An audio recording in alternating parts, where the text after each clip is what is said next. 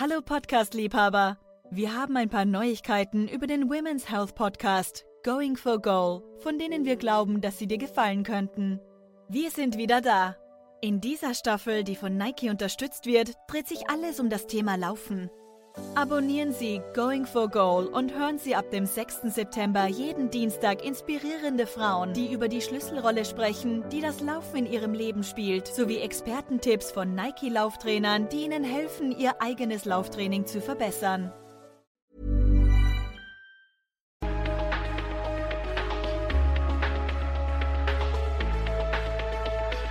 Hej och välkomna tillbaka till Risk och försäkringspodden.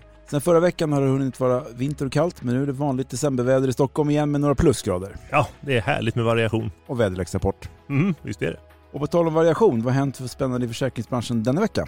Redan i fredags förra veckan så kom Reko med en rapport där man har kollat hur väl 400 bolag som följer Insursecs regelverk verkligen följer det här regelverket. Ja, man har granskat både hur väl kunskapskrav och formella krav vid rådgivning har följts och resultatet avviker inte speciellt mycket från fjolårets undersökning.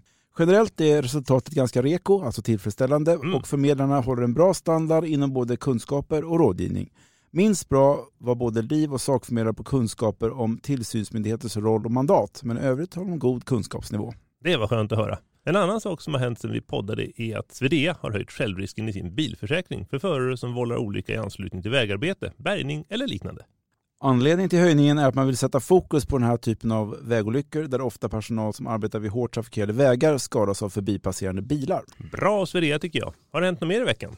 Bolaget S4I har släppt den nya standarden för överföring av information mellan förmedlare och livbolag, Misslife 2.0. Samtidigt släpptes en gemensam standard för informationsutbyte gällande provisionsinformation. S4I står för Standard for Insurance och ägs gemensamt av SFM Service AB och SFS Svensk Försäkring Service AB. Arbetet med att hitta gemensamma standards för filöverföring har hållit på sedan, om inte jag missminner mig, 2006. Och flera versioner har lanserats under årens lopp. Då måste det kännas skönt att ha mått eh, i mål nu. Och verkligen. Ett annat ärende som verkar nått i mål är målet med Cassandra Oil där Länsförsäkringar Bergslagen nekat att betala ut försäkringsersättning på 85 miljoner kronor. Ja, det var en brand i en fabrik som startade när bolagets vd experimenterade med brandfarlig olja i en apparat som han hade utvecklat själv. Den exploderade och fabriken brann ner. Eftersom förädling av olja inte var bolagens egentliga verksamhet så ansåg varken Länsförsäkringar eller tingsrätten att försäkringen gällde. Cassandra Oil har överklagat beslutet i hovrätten men de har ännu inte prövat ärendet och nu har alltså Cassandra Oil gjort konkurs. Ett annat bolag som har gått i konkurs är det svenska insurtechbolaget Insurance Simplified Europe AB med mobilapplikationen Dr. Jones. Bolaget drog för drygt ett år sedan igång en kampanj för att få in kapital via crowdfunding med hjälp av Funded by Me, men nu är alltså bolaget i konkurs. Tråkigt för dem. En helt annan sak är att Svensk Försäkring kom med sitt remissvar till Finansinspektionens föreskrifter förslaget till nya regler om avgifter och överföring av livförsäkring.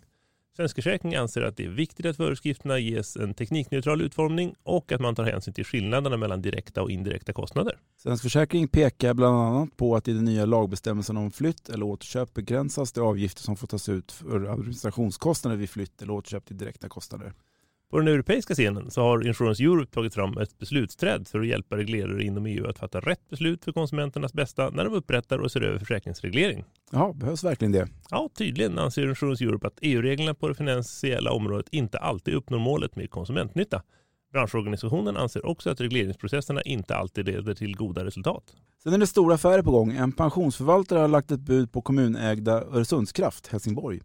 Prislappen är 12,2 miljarder kronor om det blir en försäljning. Den 12 januari ska helsingborgarna folkomrösta om en eventuell försäljning. Folkomröstningen är rådgivande. Ytterst är det de kommunfullmäktige i Helsingborg som avgör frågan. Och vi har koll på vilken pensionsförvaltare det här rör sig om, eller hur? Ja, vi har våra misstankar. Det är bara en liten handfull pensionsförvaltare som har de finansiella musklerna att lägga över 12 miljarder på en tillgång som denna. Men vi säger inte vilken pensionsförvaltare det är, eller hur? Nej, det får ni kloka lyssnare räkna ut själva. Och igår visade en eh, studie från insiktsplattformen Brilliant Future att försäkringsbranschen tar bäst hand om sina kunder av de branscher som de har granskat. 64 procent av försäkringskunderna är så pass nöjda att eh, de är lojala till företaget och bara 14 procent av kunderna är kritiska. Telekom däremot är den bransch som har minst lojala kunder i undersökningen. Ja, vad säger du om det Georg? Vi har ju båda jobbat i telekombranschen tidigare. Ja, det är skönt att höra att man har lämnat telekombranschen bakom sig. Alla älskar ju försäkringar. Eller hur? Igår meddelades det också att Länsförsäkringar Liv och Länsförsäkringar Fondliv efter en nyemission anslutit sig till ägargruppen bakom Lansa Fastigheter. Nyemissionen tillför 840 miljoner kronor från tidigare och nya ägare. Nu vill Lansa dubbla sitt fastighetsbestånd till 7 miljarder kronor. Ja, och Europeiska ERV blir ny försäkringsgivare för Skandias betalkort från och med årsskiftet. Dessutom kommer ju Europeiska ERV att byta namn till Ergo Reseförsäkringar under nästa år, vilket ju var sedan, sedan tidigare. Ja, men försäkringsbranschen är inte bara affärer. Det händer ju en hel del regulatoriskt spännande också. Mm. Finansinspektionens föreskrifter om den nya regleringen för tjänstepensionsföretag kommer att tas upp på inspektionens styrelsemöte på tisdag nästa vecka.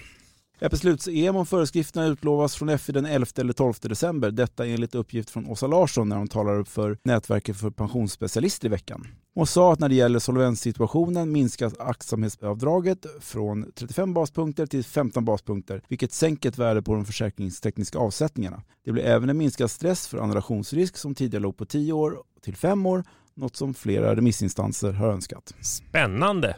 Verkligen. Skrivs något spännande i Insights? Ja, lita på det du. Bland annat så rapporteras från ett spännande webbinar om klimatrisker. Där konstateras att klimatförändringar i stort och smått förändrar såväl riskbilden globalt som konsumtionsmönster och människors dagliga liv. När det gäller orsakerna till klimatförändringarna har det förekommit fall när råvaruleverantörer blir stämda för sina kunders agerande när de använder bolagets produkter. Skadeståndskrav riktas också i allt högre utsträckning mot ledning och styrelse för företag som inte jobbar tillräckligt med att begränsa sitt klimatuttryck. Ja, låter intressant. Något mer? Ja då. Alectas vd eh, Magnus Billing har uttryckt sig kritiskt till att det tar så lång tid att få det nya tjänstepensionsdirektivet JORP 2 färdigt och att FI ägnar sig åt goldplating, det vill säga inför hårdare regler än vad som krävs. Innan man vet hur regelverket ser ut kan han inte med säkerhet säga hur eh, Alecta ska agera på regelverket. kan man ju förstå. Ja, jo.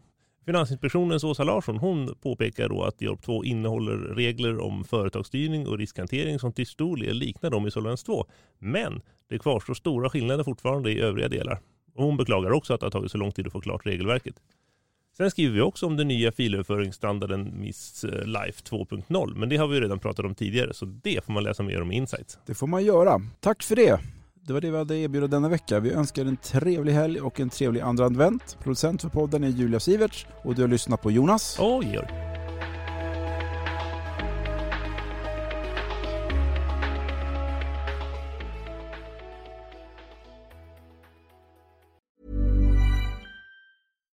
Hallo Podcast-Liebhaber! Wir haben ein paar Neuigkeiten über den Women's Health Podcast Going for Goal, von denen wir glauben, dass sie dir gefallen könnten. Wir sind wieder da. In dieser Staffel, die von Nike unterstützt wird, dreht sich alles um das Thema Laufen.